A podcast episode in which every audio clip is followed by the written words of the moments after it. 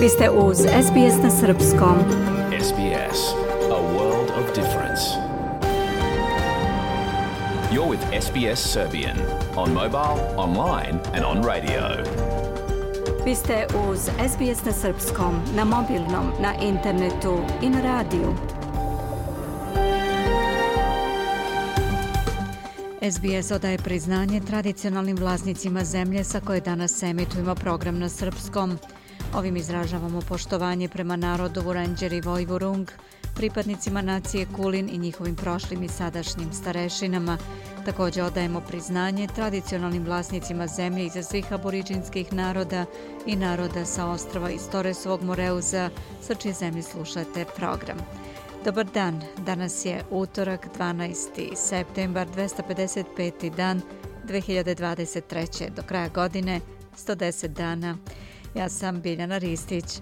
U današnjem programu posle pregleda vesti više o tome šta će se desiti po povratku premijera sa samita G20 u Indiji, pošto su zeleni konačno pristali da podrže laboristički predlog zakona o izgradnji stanova. O tome posle vesti. U Srbiji slučaj Jovanjica poprima čudnovatan tok. Mija Nikolić više o tome. U razgovoru sa doktorkom Nino Marković osvrćemo se na godišnju konferenciju alergologa i imunologa Australije. U Kraljevskom dvoru u Beogradu u četvrtak svečano otvorena izložba pod nazivom Vek od rođenja kralja Petra II. Hranislav Nikolić više o tome. To su neke od tema, ostanite sa nama do 16 časova. Sledi pregled vesti.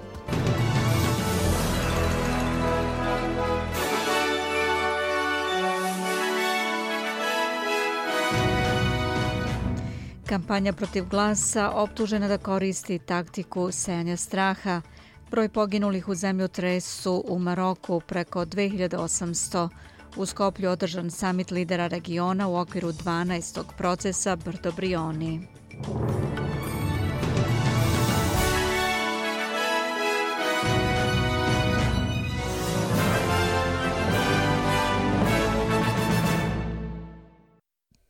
Kampanja protiv glasa autohtonih naroda pri parlamentu je optužena da koristi laži i taktiku koja plaši australijance kako bi glasali protiv. Novine Nine Newspapers došle su do tajnog snimka na kojem se vidi kako organizatori kampanje ne savjetuju volontere da iskoriste strah kako bi odvratili birače da ne podrže glas. Ministar obrazovanja Jason Clare pozvao je opozicijonog lidera Petera Datona da osudi takvu taktiku.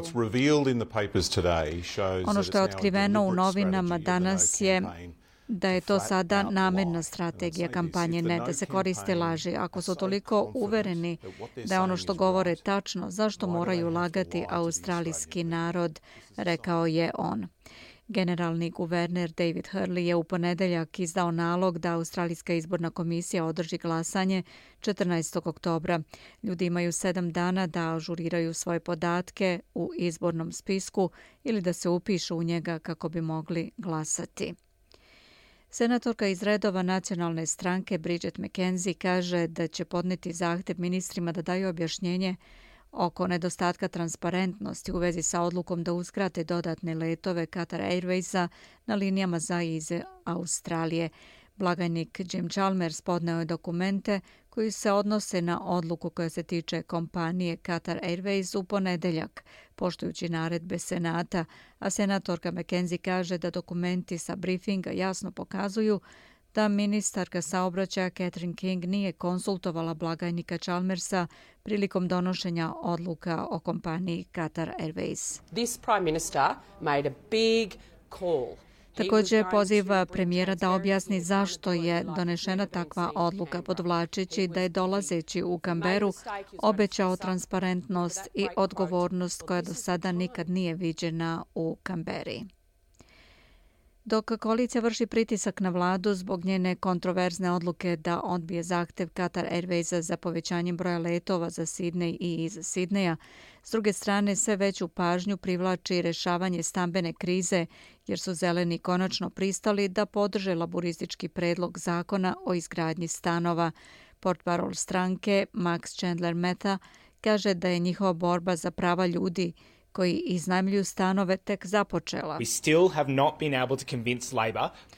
Još uvijek nismo uspjeli da ubedimo laburiste da se staraju o jednoj trećini ove nacije ljudima koji iznajmljuju stanove, tako da je za zelene borbe upravo počela da postignu cilj, što je zamrzavanje i određivanje maksimuma rente.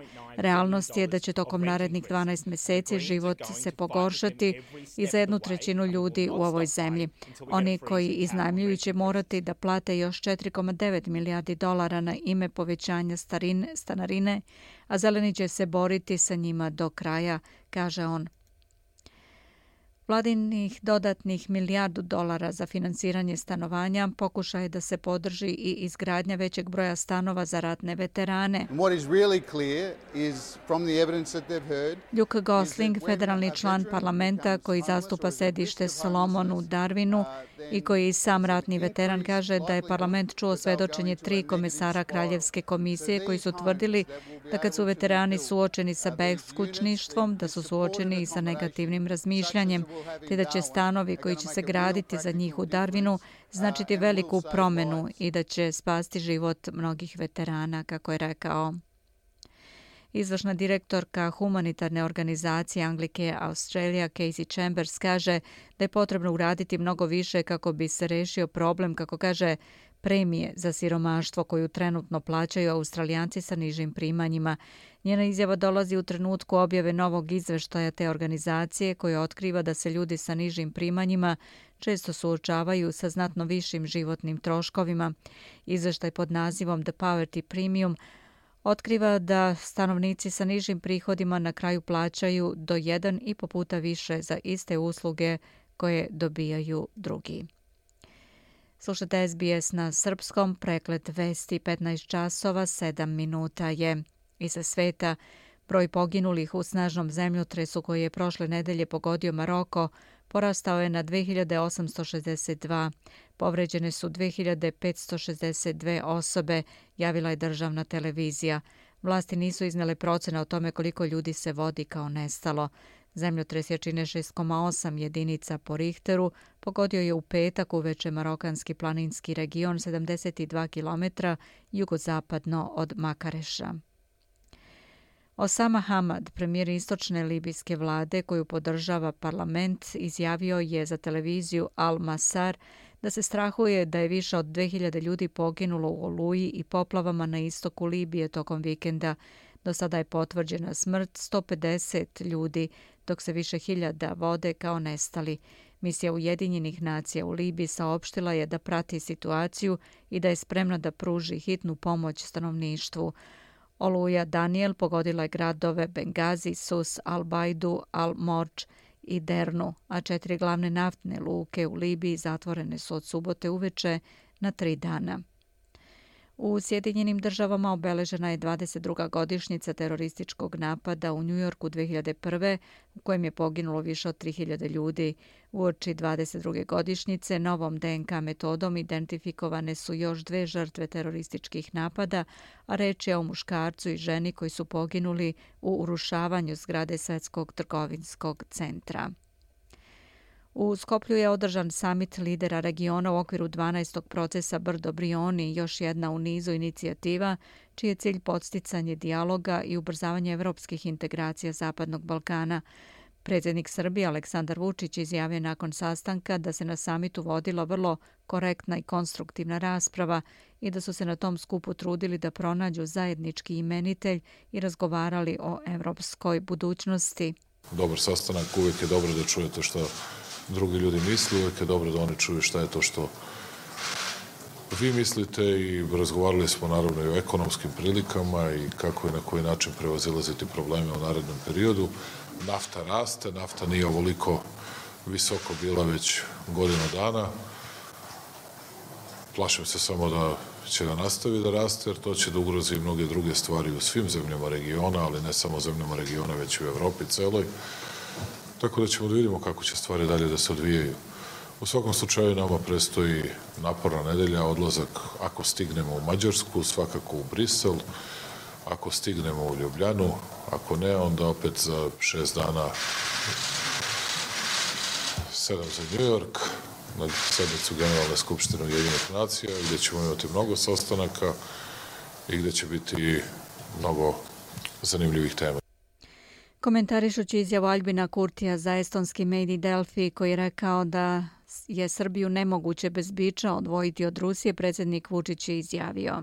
Da budem sasvim ozbiljan, za mene je interesantno kako neki ljudi smatraju da je moguće da imaju pravo da traže od nekih trećih da primenjuju bič prema jednoj suverenoj zemlji. Posebno kada narušavate povelju Ujedinjenih nacija i rušite teritorijalni integritet jedne zemlje. Pa, pošto je toliko snažan, toliko jak i određivao bi, zem, određivao bi sudbinu svih naroda u Evropi, razume se i srpskom, ne znam samo što sam ne upotrebi taj bič pa pokaže kako će sa bilo kim. Sramota je da neko ko sebe smatra liderom bilo čega, makar, makako, sebe, makako misli o sebi visoko, da takav jezik i takav rečnik koristi. A što se tiče sankcija, o sankcijama odlučujemo mi sami kao suverena zemlja i u tome se razlikujemo od Prištine. Na pitanje šta očekuje na sastancima u Briselu, Aleksandar Vučić je rekao. Da će da bude težak, to je sve što mogu da vam kažem. Jer nijedan nije bio lak. To ne zato što mi razgovaramo sa Albinom Kurtijem, već zato što razgovaramo sa predstavnicima Brisela, za koje znate da šta god oni rekli, uvek će da podržavaju nezavisnost Kosova na jedan ili drugi način. Tako da za nas je to uvek teško šta da radite. Deo političke opozicije u Srbiji predao je zahtev u predsjedništvu za raspisivanje vanrednih parlamentarnih i beogradskih izbora do kraja godine, rekao je predsjednik demokratske stranke Zoran Lutovac ispred Skupštine Srbije. Očekujemo vrlo brzo odgovor na to, inače ćemo preduzeti sve što je potrebno i u parlamentu i van parlamenta da se a, izvrši pritisak, da dobijemo odgovor na to pitanje. Ali mi ne tražimo obične izbore, onake kakve Vučić do sada raspisivao, mi tražimo slobodne i poštene izbore.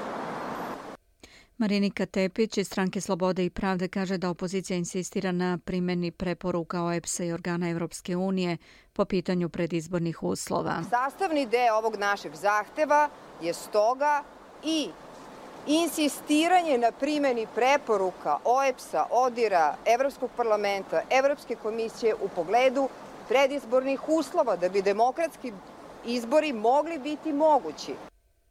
Jelena Jerinić, Zeleno-Levi front, kaže da opozicija zna proceduru prema kojoj vlada treba da predloži raspuštanje parlamenta.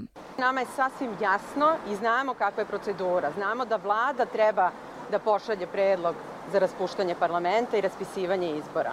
Ali je takođe očigledno da vlada u ovoj zemlji nije autonomna i da radi isključivo po nalogu i na mig Aleksandra Vučića. Predsednik Aleksandra Vučića zahtev je zatekao na putu. Odgovor najavljuje usmeno i pismeno. Ali odjednom su se pojavili sa drugačijim mišljenjem posle četiri meseca i dostavili mi ga. Ja poštujem kad ljudi tako promene mišljenje. Ne znam šta se desilo u njihovim glavama, ali sam zadovoljan što je došlo do takve promene mišljenja. U svakom slučaju oni će do kraja meseca dobiti odgovor, što će biti najbrži i najkonkretniji odgovor pošto vidim da traže parlamentarne i beogradske izbore, najbrži i najkonkretniji odgovor koji jedan predsednik koji je nadležan, ako ništa drugo, da raspisuje parlamentarne izbore, će im pružiti u skladu sa demokratskim principima, demokratskim načelima, poštovanjima prava manjine, ali im odgovoriti i na sve gluposti koje su u tom pismenu napisali. Pogledamo i vrednost australijskog dolara danas prema američkom vredi 64 centa, 60 euro centi, 51 britanski peni i 70 srpskih dinara 20 para. Ukratko iz sporta, košarkaši reprezentacije Srbije nakon osvojenog srebra na svetskom prvenstvu doputovali su u Beograd gde su ih na aerodromu Nikola Tesla pozdravili okupljeni građani. Po vice šampione sveta u košarci aviokompanija Air Serbia poslala je Airbus koji nosi ime Mihajla Pupina. To je bio prvi direktan let u istoriji Air Serbia između Beograda i Manile, koji su međusobno udaljene skoro 10.000 km, javna radiotelevizija Srbije. U okviru kvalifikacija za evropsko prvenstvo u Nemačkoj, futboleri Srbije pobedili Litvaniju 3-1. Reprezentacija Portugalije pobedila selekciju Luksemburga 9-0. Hrvatska pobedila selekciju Jermenije rezultatom 1-0. I na kraju ovog bloka da pogledamo i vremensku prognozu do kraja dana. Sunčano u Pertu 23, slično vreme u Adelaidu također 23 i u Melbourneu 23 stepena. U Hobartu mestimično oblačno sa 17, u Kamberi sunčano sa 17, Sidney oblačno 19, sunčano u Brisbaneu 21 i oblačno u Darwinu sa 31. Beograd sunčano i toplo, temperatura 33 stepena. Čuli ste pregled vesti na srpskom, za sve najnovije posetite sbs.com.au kosacrta news.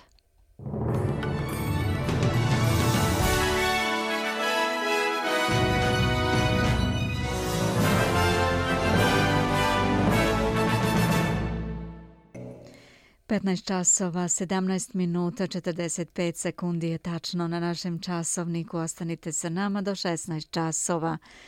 U nastavku aktualna tema iz Australije, gde se već u pažnju javnosti privlači rešavanje stambene krize, jer su zeleni konačno pristali da podrže laburistički predlog zakona o izgradnji stanova. Više u prilogu koji je za SBS News pripremila Katriona Stirat, za SBS na srpskom Nataša Kampmark. Da čujemo. Stranka zelenih je tokom nekoliko proteklih meseci odlučno odbijala da podrži vladin plan o ulaganju 10 milijardi dolara u izgradnju stanova, smatrajući ga neadekvatnim rešenjem postojeće stambene krize. We are very keen on negotiating this week. Our ideal... Predstavnik zelenih za stambena pitanja, Max Chandler Mater, je u julu veoma jasno istakao to stanovište, rekavši da su zeleni zainteresovani za pregovore kako bi se što pre sproveo plan kojim bi se izdvojilo više sredstava za socijalne i jeftine stanove, kao i plan kojim bi se neograničeno podizanje stanarine učinilo nezakonitim. On je tada rekao da je na vladi da načini sledeći korak. Sada je ostvaren značajan pomak, jer je vlada najavila da će izdvojiti dodatnih milijardu dolara za obezbeđenje prateće ključne infrastrukture kao što su struja, voda, gas, kanalizacija ili transport, kojim će se podržati izgradnja socijalnih stanova i stambenih naselja sa niskom kirijom. Ovih milijardu dolara vlada je dodala na već ranije obećanih dve milijarde. Lider zelenih Adam Band kaže da je to ono za što se njegova partija zalagala od početka i da će zeleni sada pustiti da predlog zakona prođe gornji dom. That means that there's 3 billion dollars going out the door this year that was never on the table. Ovo znači da će se izdvojiti 3 milijarde dolara koje nisu bile u igri na početku pregovora. To je 3 milijarde dolara za socijalne stanove i jeftina stambena naselja za koje je vlada na početku tvrdila da ne može da izdvoji. Zahvaljujemo se vladi što je uspela da nađe dodatna sredstva. Zeleni su sada spremni da podrže vladin predlog stambenog zakona kako bi on tokom ove sedmice prošao Senat, rekao je Band. Do ovakvog razvoja situacije došlo je nakon što je nezavisna poslanica Helen Heinz predložila amandman na vladin regionalni stambeni zakon. Ova poslanica predstavlja Indi, izbornu jedinicu u ruralnoj regiji na severoistoku Viktorije i ona kaže da ozbiljan nedostatak raspoloživih stanova sprečava ljude da prihvate poslove u provinciji i u ruralnim delovima zemlje.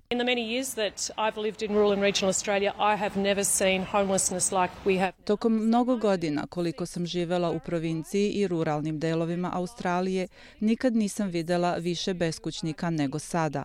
Zato moj predlog zakona ima za cilj da razjasni ko može da se prijavi za ova sredstva, da obezbedi veću transparentnost, tako da ministarka mora da jasno predoči parlamentu koje korake preduzima kako bi se za 30% australijanaca koji žive van velikih gradova obezbedio pravedan udeo u ovim sredstvima za finansiranje izgradnje stanova, rekla je Heinz. Međutim, malo je verovatno da će ovaj veliki pomak po pitanju zakona o obezbeđenju stambenih fondova odvratiti koaliciju od postavljanja dodatnih pitanja o odluci vezanoj za katarsku aviokompaniju ili o glasu autohtonih naroda pri parlamentu, čim se premijer vrati u Kamberu sa samita G20 koji se održava u New Delhiju. Parlament će ove sedmice održati posljednje zasedanje pred jednomesečnu pauzu pre održavanja referenduma o glasu autohtonih naroda pri parlamentu zakazanog za 14. oktobar. Najnovija anketa objavljena u dnevnom listu Nine ukazuje na to da se sve više glasača opredeljuje da glasa protiv uvođenja glasa autohtonih naroda pri parlamentu, pri čemu izgleda da će sve države osim Tasmanije glasati protiv. Liberalni senator Matt Canavan kaže da Australijanci u ovom trenutku nisu dovoljno upućeni da bi mogli doneti informisanu odluku.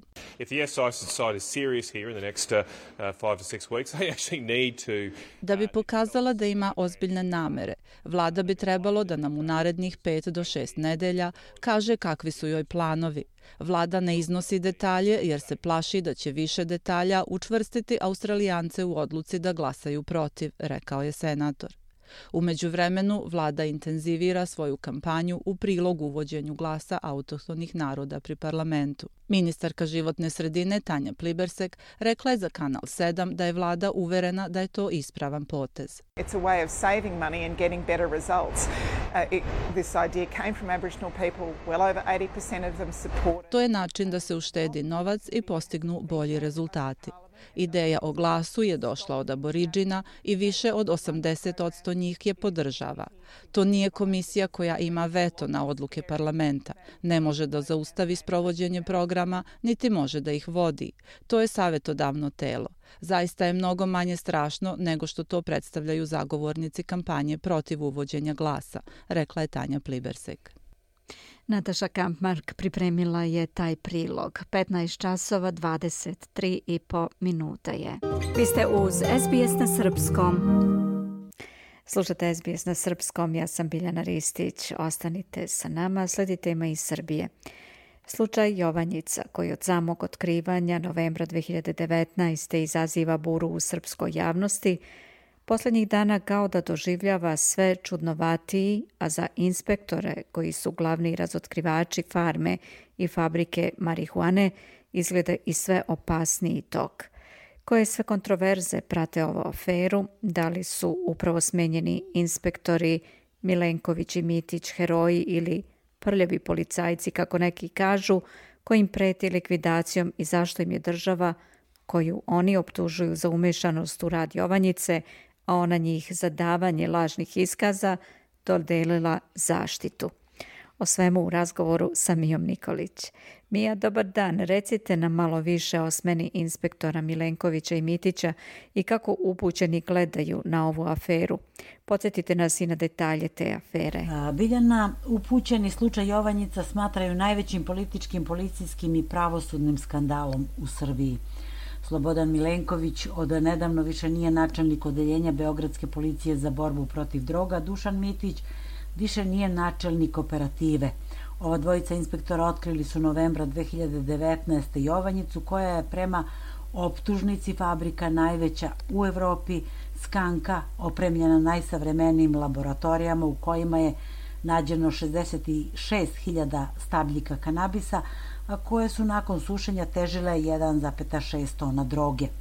Oni su uhapsili vlasnika Jovanjice Predraga Koluviju, optuženog da je bio vođa kriminalne grupe za proizvodnju te droge, kao i njegove saradnike. Iako otkriće ovakve laboratorije za skank nije zabeleženo u istoriji srpske policije, tužilaštvo i MUP nisu se te 2019. hvalili tom zaplenom, naprotiv, Slučaj danima zataškava na javnosti o hapšenju devet lica osumnjičenih za uzgajanje marihuane saznala dve nedelje kasnije.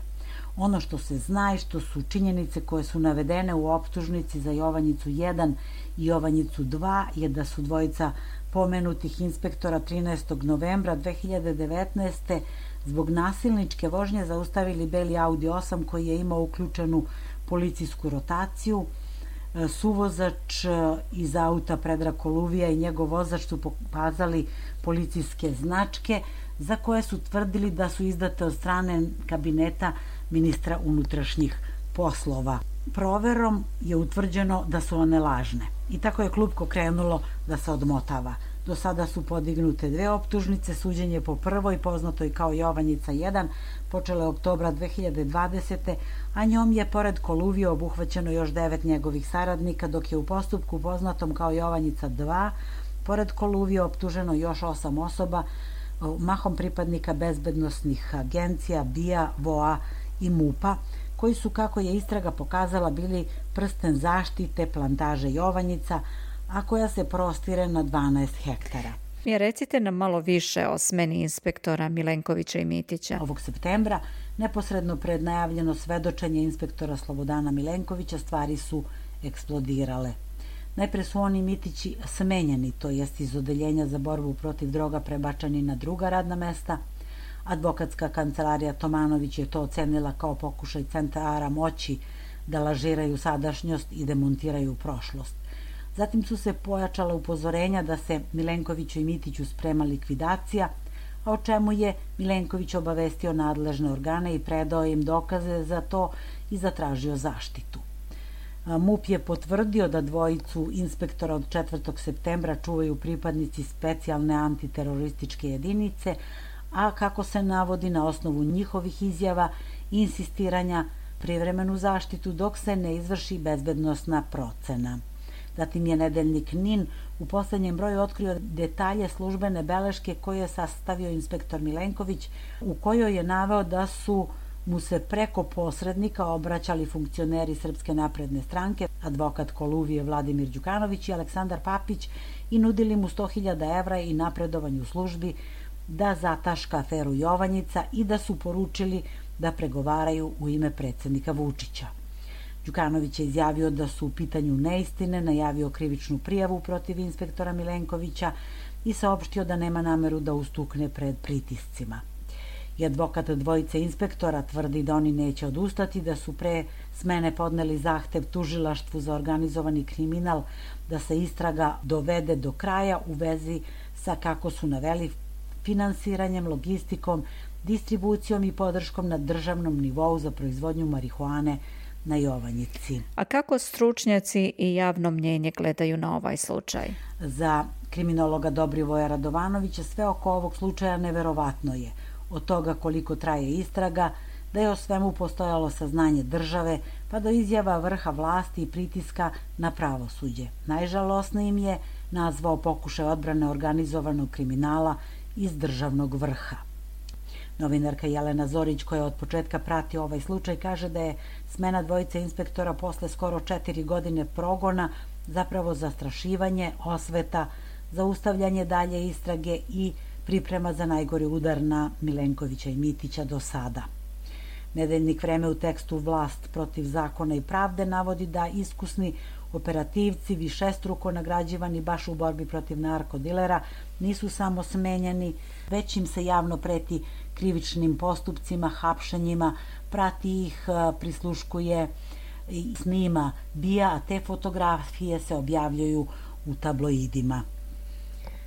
Povodom kriminalizovanja ova dva inspektora, predsedniku Vučiću se otvorenim pismom obratio novi policijski sindikalni savez i zatražio odgovore na nekoliko pitanja. Između ostalog, zašto i po cenu 100.000 evra želi da odbrani slučaj Jovanjica, od čijeg novca to treba da se plati, otkud mu pravo da privatizuje policiju, da li sprečava smenu ministra Gašića zato što on vrši progon nad časnim i poštenim profesionalcima sa čistom značkom kao što su Milenković, Mitić, Rajević i drugi. Da li je predsednik reagovao? Ovih dana nakon isplivavanja Milenkovićeve službene beleške o pokušaju njegovog potkupljivanja u zamenu za ćutanje, a sve navodno u ime predsednika Srbije. Beleška inače napravljena 2021. u oktobru. Aleksandar Vučić je izjavio da ta beleška postoji, da je označena kao strogo poverljiva. Kaže da je on tada, 21. razgovarao sa Milenkovićem i da je sprečio Vulina da ga smeni i procesuira dok se predmet ne okonča i ne ustanovi konačna istina. On međutim nije objasnio zašto se po toj službenoj belešci inspektora koja se nalazi u tužilaštvu nije postupalo i zašto pomenutu prijavu o nepristojnoj ponudi operativcu Milenkoviću niko nije ispitao 22 meseca. Biljana? Toliko za danas. Hvala Mija. Bila je to naša saradnica iz Srbije Mija Nikolić. Ja sam Biljana Ristić. Želite da čujete još priča poput ove? Slušajte nas na Apple Podcast, Google Podcast, Spotify ili odakle god slušate podcast. Na našem časovniku tačno 15 časova 33 minuta. Ostanite sa nama. Vi ste uz SBS na Srpskom. Slušate SBS na Srpskom. Ja sam Biljana Ristić. U nastavku razgovaramo sa našom saradnicom, dr. Ninom Marković. Nina, dobar dan. Možda da krenemo prvo sa kratkim osvrtom na interesantnu konferenciju kojoj si prisustvovala, što će interesovati sigurno sve one koji imaju problema sa alergijama. Dobar dan, Biljana. Ja sam prošle nedelje u ime našeg programa sa SBS radija posetila godišnju konferenciju alergologa i imunologa Australije. Ova konferencija je bila prilično duga, dešava se svake godine i kroz četiri dana se predstavlja veliki broj i kompanija u ovom domenu, kao i e, najnovijih radova iz domena alergologije i imunologije.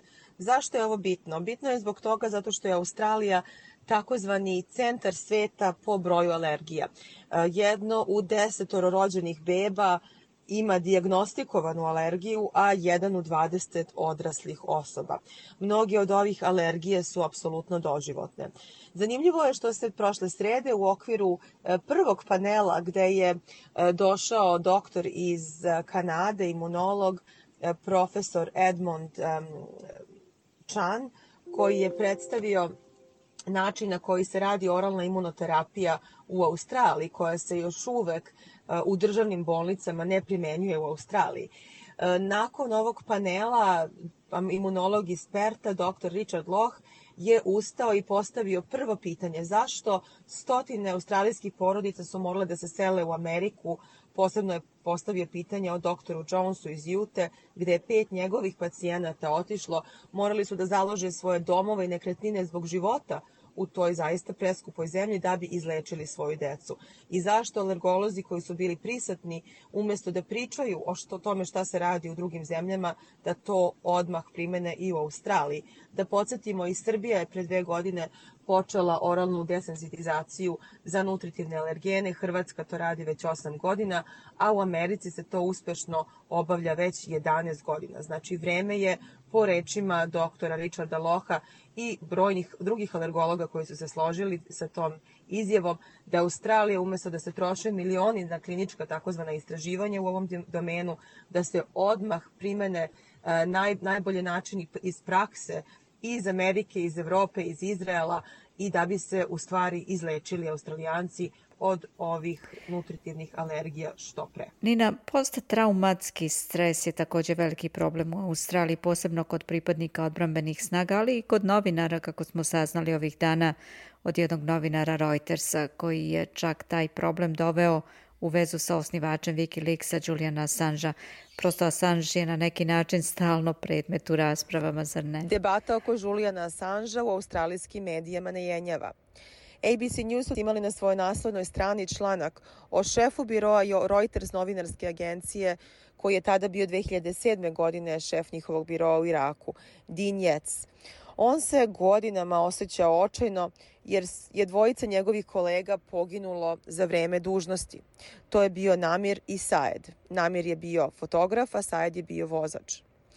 2010. godine američki helikopter uh, Apache uh, AH-64 je ubio ova, ova dva člana njegovog biroa. Upravo zbog toga Dean Jec je razvio takozvani posttraumatski stres i zbog toga je završio u specijalističkoj ustanovi u Melbourneu gde je bio jedini novinar. Međutim, 2016. godine Julian Assange je obelodanio brojne snimke američke vojske kako ubijaju civile. Pored dijagnoze o posttraumatskom stresu. Dean Jets je takođe bio diagnostikovan sa takozvanom moralnom traumom, zato što se on osjećao krivim za smrt svojih kolega. Međutim, ovaj snimak od Juliana Assangea koji je belodanjen kako američka vojska ubija nedužne civile u Iraku je promenilo tu priču i pokazalo da su bili incidenti kada je američka vojska zaista ubijala civile, iako se ne znaju detalji tih izveštaja.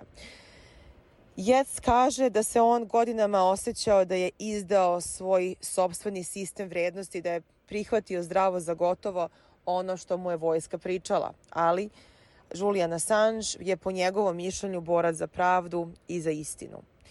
Tako da je to podstaklo jednu čitavu novu polemiku u australijskoj štampi kako gledati na Juliana Assangea, da li je on zaista vilan ili heroj. Po rečima Dina Jecta, on je njemu pomogao da na neki način se suoči sa istinom i da manje krivi sada sebe za ono što se desilo njegovim kolegama te davne 2010. godine, ali da će se njegova borba za istinu u mhm. ovom domenu nastaviti. Na kraju, Nina, u Međunarodnom kongresnom centru u Sidneju održava se interesantan sajam hrane. Možda da i o tome kažemo nešto. Već skoro četiri decenije održava se takozvani Fine Food Festival.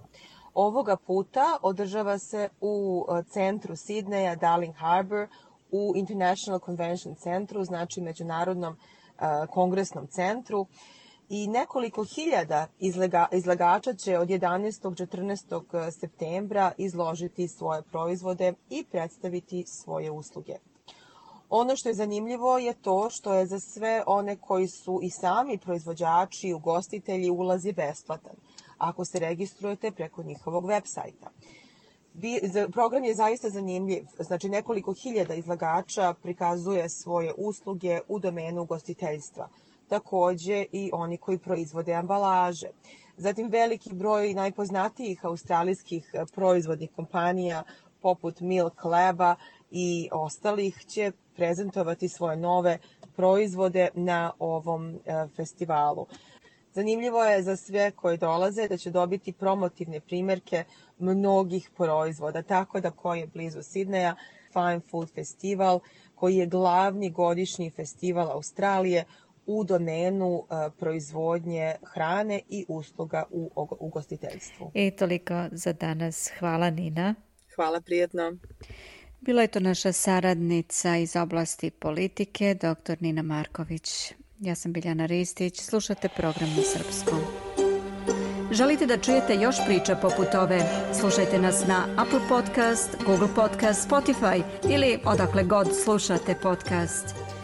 Kao što smo čuli u razgovoru sa Ninom Marković, procenat obolelih od posttraumatskog stresnog poremećaja među veteranima je u porastu i Kraljevska komisija koja istražuje samoubistva veterana i aktivnih pripadnika odbrambenih snaga Australije ponovo skreće pažnju javnosti na tu situaciju. Više u sljedećem prilogu koji je za SBS News pripremila Penny Barkley za SBS na srpskom Nataša Kampmark. Osobe koje pate od posttraumatskog stresnog poremećaja često imaju probleme sa spavanjem kao što su nesanica, vizije prošlosti, anksioznost, depresija, noćne more i apneja. Sve veći broj istraživanja sada ukazuje na to da lečenje ovih tegoba može dovesti do uspešnog lečenja PTSP-a. Prema podacima Australijskog instituta za zdravlje i dobrobit, čak 75% odraslih stanovnika Australije je tokom života imalo neko traumatično iskustvo, ali se procenjuje da se samo kod 5 do 10% njih razvije posttraumatski stresni poremećaj. Ovaj poremećaj se u većoj meri javlja kod veterana, na što ukazuje istraga Kraljevske komisije za samoubistva veterana i aktivnih pripadnika odbrambenih snaga Australije. Jonathan Moskrop je glavni i odgovorni za klinička pitanja dobrotvornog društva Mates for Mates – organizacije koja pruža psihološke usluge veteranima koji su zadobili povrede dok su bili u aktivnoj službi. On opisuje kako PTSP značajno utiče na kvalitet sna veterana koji mu se obraćaju za profesionalni savet. Hyperarousal, which is anxiety like symptoms Jednu grupu simptoma čine preterana uznemirenost, nalik simptomima anksioznosti, reakcija bori se ili beži, ubrzan rad srca i napetost. U drugu grupu simptoma spadaju ponovno preživljavanje traumatičnog događaja, što znači naviranje sećanja i košmari. Svi ovi simptomi otežavaju osobi da zaspi i da održi san. Neki ljudi koji pate od PTSP-a razvijaju i averziju prema snu, pa onda smisle razne strategije kojima izbegavaju san, objašnjava Moskrop. PTSP je u porastu među opštom populacijom Australije – a prema najnovijim podacima Australijskog instituta za zdravlje i dobrobit, stopa obolelih je porasla na 5,7% tokom 2020. i 2021. u odnosu na 4,4% koliko je iznosila pre toga. Odnos između sna i PTSP-a se često opisuje kao dvosmeran. Sean Drummond je profesor kliničke neuronauke na Fakultetu psiholoških nauka Univerziteta Monash i on kaže da se ne radi samo o tome da PTSP uzrokuje loš san. Uh, Kvalitet sna takođe može biti uzročno povezan sa razvojem PTSP-a. Tako, na primer, ako neko ima problem da zaspi, naročito ako ima poremećaje kao što su nesanica ili apneja, pre izlaganja traumatičnom događaju, kod takvih osoba postoji 2,5 do 3 puta veća verovatnoća da se razvije PTSP nego kod osoba koje nemaju problema sa spavanjem pre izlaganja traumatičnom iskustvu. A znamo i da kod ljudi kod kojih se problemi sa snom jave neposredno nakon traume, postoji manja verovatnoća da se oporave prirodnim putem, a veća verovatnoća da se razvije PTSP u punom obimu. To znači da odnos između sna i PTSP-a funkcioniše u oba smera. Profesor Dramon će na temu odnosa između sna i PTSP-a izlagati na konferenciji pod nazivom Sleep Down Under, koja se u novembru održava u Adelaidu. Njegov naučni rad je deo sve većeg broja istraživanja koja ukazuju na to da lečenje problema sa spavanjem može biti efikasan način lečenja posttraumatskog stresnog poremećaja. On je 2019. godine učestvovao u istraživanju tokom kojeg su američki ratni veterani sa PTSP-om lečeni tradicionalnom metodom razgovora ili kombinacijom lečenja razgovorom i lečenja simptoma lošeg sna. Utvrđeno je da je kod onih pacijenata koji su osim redovne primali i terapiju spavanjem došlo do značajnog smanjenja kako dnevnih, tako i noćnih simptoma. Effectively what we found uh, is that the U suštini, otkrili smo da je dnevna terapija bila prilično efikasna, kao što smo i očekivali. Ona nije lečila simptome lošeg sna, baš kao što su pokazale prethodne studije. Ali kad smo zatim uveli terapiju snom, došlo je do ublažavanja simptoma nesanice i košmara kod one grupe koja je dobila tu terapiju – a zanimljivo je da je lečenje simptoma lošeg sna takođe dovelo do ublažavanja dnevnih simptoma PTSP-a u poređenju sa kontrolnom grupom, objašnjava Drummond. Profesorka Amy Jordan, direktorka laboratorije John Trinder, koja istražuje spavanje na Univerzitetu Melbourne, jedna je od autora tekuće studije o vezi između PTSP-a i obstruktivne apneje. Profesorka Jordan kaže da nije jasno zašto je ovo stanje koje utiče na disanje tokom sna toliko izraženo među pacijentima sa PTSP-om. PTSD is a, is a mental health condition. PTSP je mentalno oboljenje, dok se apneja javlja zato što se grlo zatvara tokom noći ali još uvek ne razumemo dobro kako izloženost traumi i PTSP kao rezultat te izloženosti mogu dovesti do zatvaranja grla preko noći. Profesorka Jordan kaže da su američke studije otkrile da čak tri četvrtine obolelih od PTSP-a ima apneju. Međutim, ova istraživanja su mahom vršena na veteranima, često muškarcima u srednjim godinama, koji generalno češće pate od apneje. Univerzitet Melbourne proširuje svoje istraživanje kako bi uključio mlađe ispitanike kao i veći procenat žena. Tokom istraživanja smo primetili da su ljudi sa posttraumatskim stresnim poremećajem imali visok nivo nelagodnosti pri disanju čak i tokom svakodnevnih životnih aktivnosti. Tako da možda postoji neka subjektivna svest o disanju i osjećajne prijatnosti pri disanju koji se zatim prenosi na san i doprinosi apneji, zaključuje profesorka Jordan. Takođe postoje jaki dokaze koji ukazuju na to da lečenje apneje može ublažiti i dnevne simptome PTSP-a. Profesorka Andrea Phelps je zamenica direktora dobrotvorne organizacije Phoenix Australia, koja se fokusira na lečenje PTSP-a. Ona kaže da se postupci lečenja sve više okreću ka psihološkim terapijama. Ta ideja nailazi na sve veću podršku. Znamo da standardno lečenje PTSP-a nije veoma delotvorno po pitanju unapređenja kvaliteta sna i da u potpunosti ne otklanja nesanicu. Zbog toga se poseban fokus sve više stavlja na unapređenje kvaliteta sna. Profesorka Jordan kaže da su nedavni stresni događaji poput pandemije COVID-19 i velikih šumskih požara 2019. godine možda doprineli porastu stope PTSP-a. Ona takođe ukazuje na to da, iako je iskustvo veterana važno, ne treba zaboraviti da PTSP pogađa i mnoge druge ljude u Australiji. U ovoj oblasti je postignut veliki napredak i to je sjajno.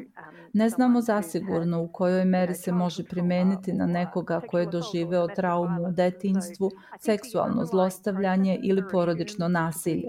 Mislim da se pretpostavlja da su procese slični u pogledu toga kako PTSP nastaje i kako se održava, ali ima još mnogo prostora za istraživanje, zaključuje profesorka Jordan. Gospodin Moskrop kaže da veterani koji pate od PTSP-a i problema sa snom treba da znaju da mogu da se obrate za pomoć. Kad se radi o PTSP-u, prvo se treba obratiti izabranom lekaru opšte prakse. Treba otići i potražiti pomoć, shvatiti da niste sami. Postoje organizacije koje pomažu bivšim pripadnicima odbranbenih snaga, jer niko ne treba da prolazi sam kroz taj proces oporavka, savetuje gospodin Moskrop. 15 časova 51 minut je, ja sam Biljana Ristić, ostanite sa nama, sledi još jedna interesantna tema iz Srbije. U Kraljevskom dvoru u Beogradu u četvrtak je svenačano otvorena izložba pod nazivom Vek od rođenja kralja Petra II. Karika između prošlosti i sadašnjosti. Hranislav Nikolić opširnije o tome. Vi ste uz SBS na Srpskom. Princ Aleksandar Karađorđević i supruga Katarina otvorili su u sredu uveče u Kraljevskom dvoru izložbu pod nazivom Vek od rođenja kralja Petra II. Karika između prošlosti i sadašnjosti. Tim povodom u dvoru je istovremeno održana i promocija jubilarnog izdanja poštanskih maraka Vladari Srbije, posvećenih stogodišnjici rođenja kralja Petra II. i dvestogodišnjici rođenja kneza Mihajla Obrenovića. Posetioci izložbe imali su priliku da vide odabrane portrete i fotografije posljednjeg kralja Jugoslavije, pisma i lične predmete, kao i video materijal koji pokazuje mladog monarha. Takođe, bila je izložena i pukovska zastava Timočke brigade Jugoslovenske vojske u Otačbini, koja je nedavno pronađena posle više od sedam decenija skrivanja, a na kojoj je prikazan monogram kralja Petra II. i tradicionalne reči vojničke zakletve iz vremena kraljevine. Aleksandar Karadžorđić je kazao da njegov otac bio žrtva brojnih kleveta, izmišljotina i laži, koje se danas u vremenu u kojem živimo konačno sklanjuju sa njegovog imena. Zatim je nastavio. Moj otac, kraj Peto II, nije imao lak život. Jedan vek nakon njegovog rođena sećamo se svi oluja i zazovoja sa kojima se usučao i borio tokom svog, nažalost, kratkog života. Postao je kraj zemlje duboko potresene smrću svog tvorca, njegovo oca, a još više interesima velikih sajšina. Moj otac se od najranijeg dana pripremio za odgovorni poziv koji je ga je čekao, da bude u službi svojim narodom i svojoj otačbini. Istorijski vihor drugog svetskog rata poslao ga je u prognostvo iz kog se nikad nije vratio.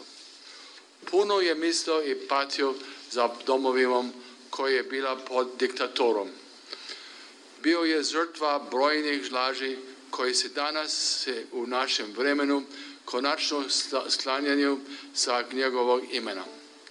Jer istina, ma koliko bila skrenivena i podsudna, uvek mora da pobedi. Adam Sofronijević iz Pošta Srbije poručio je da Pošta želi ovim izdanjem da pošalje poruku da podele našeg naroda, uključujući i one dinastičke, treba da ostavimo iza sebe, pa je istakao. I da u budućnost gledamo sa velikim ponosom što je naš narod u svojoj istoriji izrodio dve uh, autohtone dinastije srpske u Srbiji, tri ukupno u našem narodu, želimo da budemo ponosni na našu istoriju i da prevaziđemo sve podele. To je poruka koju znanje vladari Srbije nosi u srećnoj godini proslave jubileja 100 godina rođenja kralja Petra II. i 200 godina rođenja kneza Mihajla. Pred nama je u mesecu oktobru, 12. i 14. oktobra, najveća izložba filatelije održana ikada u Srbiji, Balkan Fila 19, pod pokoriteljstvom predsednika Republike gospodina Aleksandra Vučića i to je prilika da filatelija zablista u potpunom sjaju, ova marka i ova emisija Vladari Srbije doprineće tome. Jedan od autora izložbe, Dušan Babac, izjavio je da su istorijske prilike u kojima je kralj Petar II. nasledio svog oca bile najteže koje je 20. vek zapamtio. Potom je dodao. Ono što je postojalo ne može se zatomiti. Tako uporno već godinama nailazimo na neke nova, zaboravljena i nama potpuno nepoznata dela likovnih umetnika posvećena kralju Petru II. Nailazimo na neočekivano veliku količinu nepoznatog fotomaterijala da bismo konačno nedavno bili svedoci pronalaska zastave Timočke brigade Knjaževačkog korpusa u crkvi Svetog Đorđa u Knjaževcu. Glavni motiv ove zastave je upravo kraljevski monogram Petra II. U životu kralja Petra II. može se izvojiti nekoliko vremenskih celina. Period bezbrežnog detinstva do pogibije njegovog oca, kralja Aleksandra, odrastanje i sazrevanje kralja, dečaka pod zaštitom namestništva knjeza Pavla, vreme preuzimanje pune odgovornosti i vladavina mladog kralja u ratnim uslovima u izbjeglištvu, od martovskog puča 41. do revolucionarnog prevrata u zemlji i ukidanja monarhije krajem 45. godine. I najzad život u izgnanstvu ispunjene zadovoljstvom, duhovnom klonološću, prazninom i materijalnom nemaštinom koji se završava preranom smrću. Obeležavajući istogodišnjicu rođenja kralja Petra II. spontano se nameće zaključak da je njegov najvažniji doprinos ideji monarhizma to što on sam predstavlja kariku između prošlosti i sadašnjosti, odnosno da je bez obzira na sve napore da se to spreči jedan značajan kontinuitet u Srbiji ipak sačuvan. Autori izložbe su Dušan Babac, član Krunskog veća i Uroš Parezanović, šef službe za odnose sa javnošću i protokola Kraljevskog dvora. Izložba će biti otvorena radnim danom do 20. septembra. Iz Beograda za SBS Hranislav Nikolić. Da. Idu dani, Željko Joksimović, pesma iz serije Ranjeni orao i time završamo današnji program. Sljedeća emisija na Srpskom u četvrtak u 15 časova. Pridružite nam se na našem web sajtu sbs.com.au kosacrta srbijen ili na telefonu. Preuzmite SBS audio app. Sa vama je danas bila Biljana Ristić. Želim vam prijatan ostatak današnjeg dana.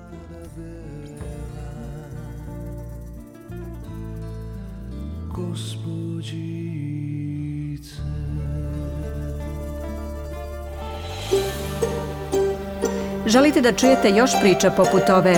Slušajte nas na Apple Podcast, Google Podcast, Spotify ili odakle god slušate podcast.